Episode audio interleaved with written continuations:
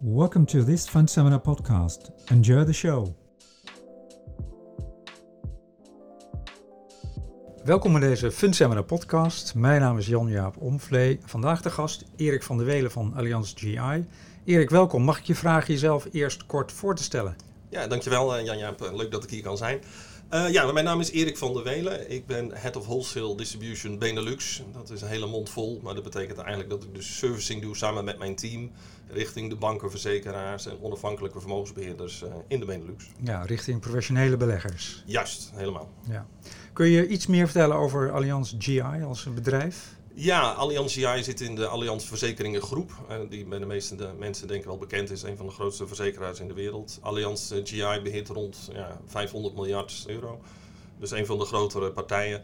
En wij zijn puur een actieve vermogensbeheerder. Dus we, proberen altijd de index te verslaan. En uh, wij spelen echt, uh, zijn zeer druk bezig met duurzaamheid. Daar komen we vast nog op terug. We gaan het vandaag hebben over Chinese equities, maar we beginnen altijd met de icebreaker. En uh, die is eigenlijk altijd hetzelfde. Wat is het grappigste of meest opmerkelijke, opvallende dat je ooit hebt meegemaakt als uh, professionele belegger?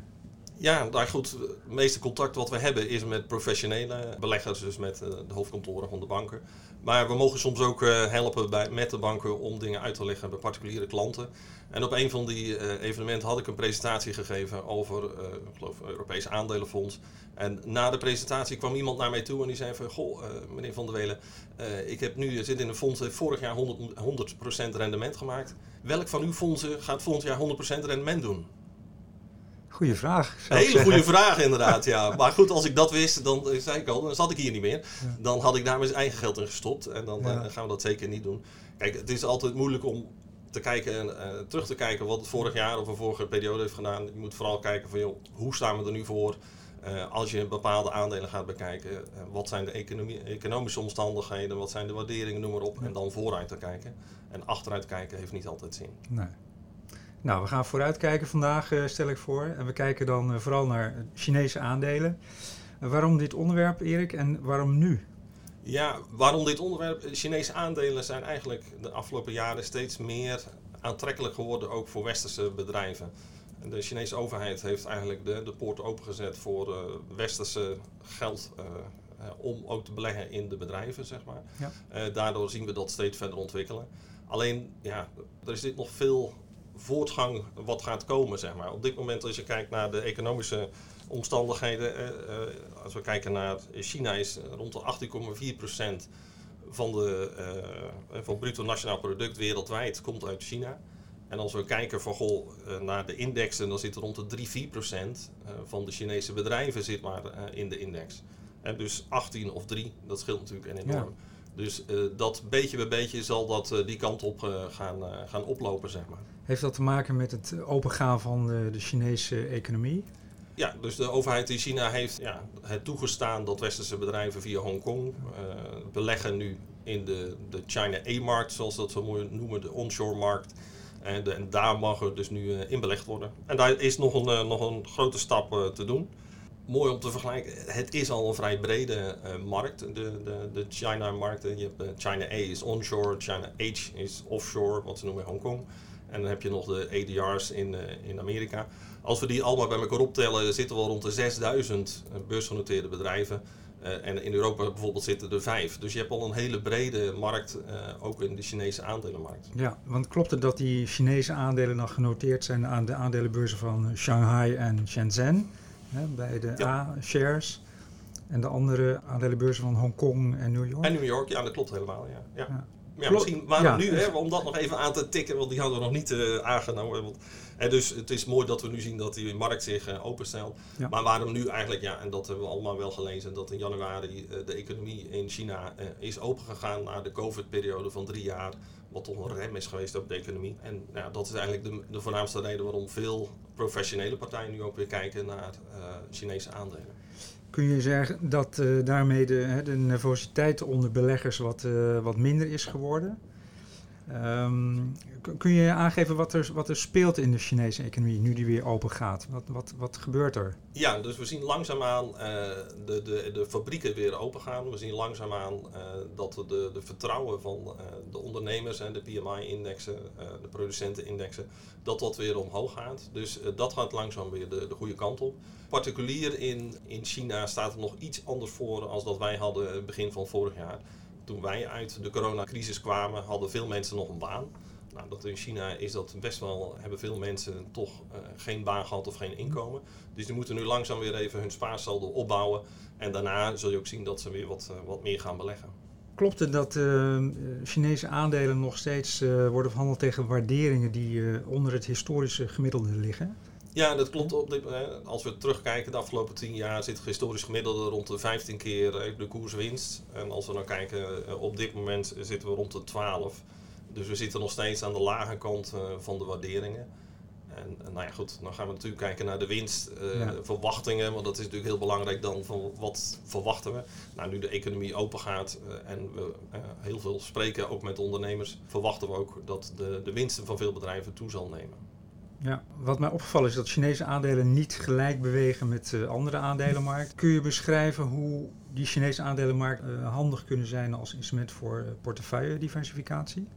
Ehm, ja, zeker. Van oudsher is er al een verschil tussen de Chinese markt en andere markten. En dat heeft te maken met een groot deel, 70% van de handel in Chinese onshore aandelen, dus die, die A-aandelen, eigenlijk door particulieren, door Chinese particulieren nog steeds plaatsvindt. Dat loopt eigenlijk steeds een beetje meer terug. Nu ook westerse institutionele beleggers uh, op die markt komen. Dus dat gaat wel een beetje die kant op. Uh, maar dat zorgt er dus voor dat er een groot verschil is. En op dit moment is er ook een groot verschil, omdat we eigenlijk op een ander punt in de economie zitten voor de verschillende blokken. Waar Amerika en Europa veel last hebben van inflatie. En eigenlijk de rente moeten verhogen om de inflatie af te remmen. Uh, zien we dat in China niet het geval is. De inflatie is laag, uh, de rente kan laag blijven en de overheid kan eigenlijk stimuleren. Dus eigenlijk is er een heel groot verschil tussen de drie uh, economische blokken en de financiële markten. En als je het heel precies zou kunnen zijn van, joh, als je gaat kijken de afgelopen tien jaar is de correlatie tussen de China A en bijvoorbeeld Europese aandelen zit rond de 0,3. En hoe verhouden, dan, ga ik meteen even naar de performance, de performance van de belegging in de, in de A-shares zich tot de, de H-shares? Kun je daar iets over zeggen? Over de lange termijn loopt het redelijk parallel. Uh, maar de afgelopen maanden hebben we gezien, vooral eind vorig jaar, de H-shares, er zitten veel uh, large caps, zijn daar genoteerd. En het zijn veel tech-aandelen. Dus die hebben het de afgelopen maanden eigenlijk best wel goed gedaan. Dus je ziet daar nog wel wat verschil in uh, op dit moment tussen de twee indexen, zeg maar. Maar over de lange termijn lopen ze meestal redelijk parallel met elkaar. Ja. Kun je iets vertellen over jullie All China approach? Ja, All China Approach uh, is echt een combinatie tussen de A en de H-shares. Dus kunnen in beide uh, regio's kunnen ze beleggen. En uh, de A-shares, dat zegt, zit al in de naam, die kan alleen in de A-shares beleggen. Dus ja. dat is het verschil tussen die twee.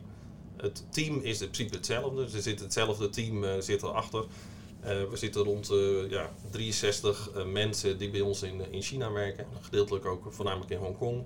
Uh, en die beheren eigenlijk die beide twee, uh, twee fondsen. Ja, en nu, dat, die benadering richt zich echt op uh, stock selection. meer dan markt- of sectorallocatie. Ja, dat klopt. In China is het heel belangrijk, ook vanwege die retailbeleggers, dat je eigenlijk het bepalen van de beste sector is heel moeilijk. Want die, die retailbeleggers kunnen heel snel van de tech naar de utilities en, en terug gaan. Dus het is het beste om daar zo dicht mogelijk bij, een, bij de benchmark te blijven, zeg maar. En de meeste alfa, dus het meeste extra rendement, kun je maken door juist de bedrijven te selecteren. Ja. Kun je iets vertellen over die bedrijven die heel goed presteren? Ik kan me voorstellen dat dat ligt in de sector uh, energietransitie. Ja, energietransitie en ook vooral uh, gericht op de consument. Dat zien we. Een aantal jaren geleden was het vooral de export uh, die het goed deed. Maar op dit moment, juist omdat de, de Chinese overheid ook de economie wil stimuleren, zien we dat veel dat het ook uh, consument gerelateerd zijn. Dus luxere food beverages, uh, dat soort dingen, dat, daar zien we veel mogelijkheden. Toch ook wel een beetje in de property sector, want dat was in het verleden, zijn die vrij hard aangepakt door de overheid. Maar we zien nu wel dat ze toch ook wel een beetje de teugels laten vieren, omdat ze, ja, ze moeten de 5% economische groei realiseren. Ja. Dus ze moeten ook de property, ook de technologiebedrijven, en dat soort bedrijven weer een beetje de ruimte geven. Ja. Kun je iets vertellen over de volatiliteit van uh, Chinese aandelen? Ja, in het algemeen zijn Aziatische aandelen iets volatieler dan Europese en Amerikaanse aandelen. Dus dat uh, geldt ook voor uh, de Chinese aandelen. En de afgelopen jaren is natuurlijk een enorm uh, volatiele periode geweest. eerst eigenlijk heel positief, wat we gezien hebben in 19 en 20. waar bijvoorbeeld ons China A-fonds plus 60% realiseerde. En in 22 dat het dan weer min 30% is. Dus we zien de behoorlijke volatiliteit al daar. Uh, maar dat hebben we natuurlijk ook bij heel veel Europese en Amerikaanse uh, indexen en markten gezien. Ja, jullie staan bekend om jullie active management, lokale expertise. Zijn jullie al lang aanwezig op de Chinese markt? Ja, we zijn al uh, meer dan 20 jaar aanwezig op de Chinese markt. En belangrijk is dat we veel know-how hebben dus van de markt zelf, van Hongkong, Shanghai en Beijing. En we hebben ook een eigen onderzoeksplatform, dat heet Grassroots. En daarmee kunnen we eigenlijk bepaalde onderzoeken uitzetten aan onafhankelijke partijen in China. Die dan bijvoorbeeld gaan onderzoeken van goh, hoe gaat het nou echt met die vastgoedmarkt? Hoe gaat het nou echt met die electronic vehicles markt in China? Zodat we naast onze eigen expertise ook die onafhankelijke expertise aan kunnen boren. En kunnen kijken van joh, welke kant zouden we nou het best op kunnen gaan met, qua beleggingen. Ja, je zegt uh, welke kant kunnen we de beste, uh, de beste kant kunnen we opgaan als, uh, als belegger. Hoe kunnen beleggers zelf investeren in Chinese aandelen? Ze kunnen dat zelf doen, maar het is natuurlijk altijd, vanwege die volatiliteit, is het altijd moeilijk om juist de juiste bedrijven te selecteren. Daarom is het best aantrekkelijk om ook via een fonds te beleggen, zoals die van ons. Ja. Zodat je in 60 aandelen belegt eh, die wij selecteren en die wij continu in de gaten houden.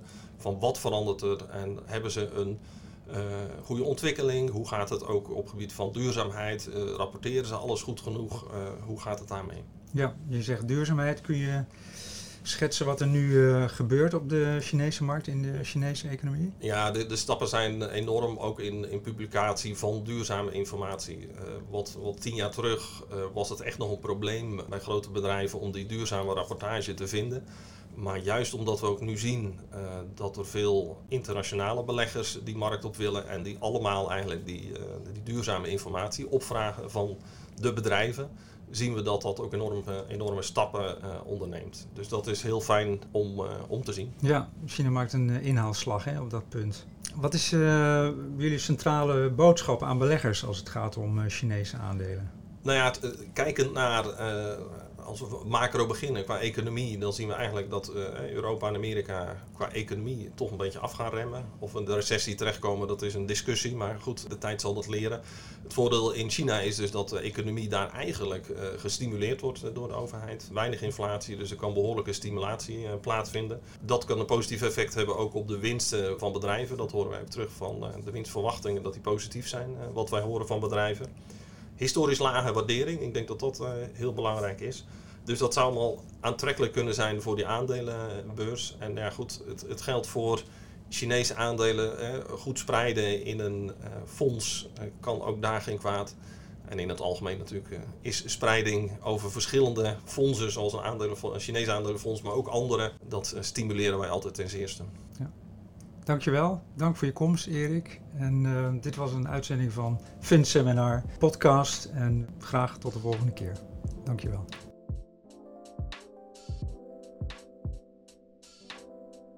Aan beleggingen zijn risico's verbonden. Beleggingen en de inkomsten daaruit kunnen in waarde stijgen en dalen. Beleggers krijgen mogelijk hun inleg niet volledig terug. Allianz China A-Shares is een subfonds van Allianz Global Investors Fund SICAV, een open-end beleggingsmaatschappij met variabel aandelenkapitaal, opgericht naar Luxemburgs recht. Bij de aandelenklassen van het subfonds die niet in de basisvaluta luiden, kan de waarde van de participaties slash aandelen aan een aanzienlijk hogere volatiliteit onderhevig zijn. De volatiliteit van andere aandelenklassen kan anders zijn. In het verleden behaalde resultaten bieden geen garantie voor de toekomst. Beleggingsfondsen zijn mogelijk niet in alle rechtsgebieden en voor alle categorieën beleggers beschikbaar. Voor een gratis exemplaar van het prospectus, de oprichtingsdocumenten, dagelijkse fondskoersen essentiële beleggingsinformatie en de meest recente halfjaarverslagen en jaarverslagen kunt u contact opnemen met de beheermaatschappij op het hieronder aangegeven adres of met regulatory.allianzgi.com.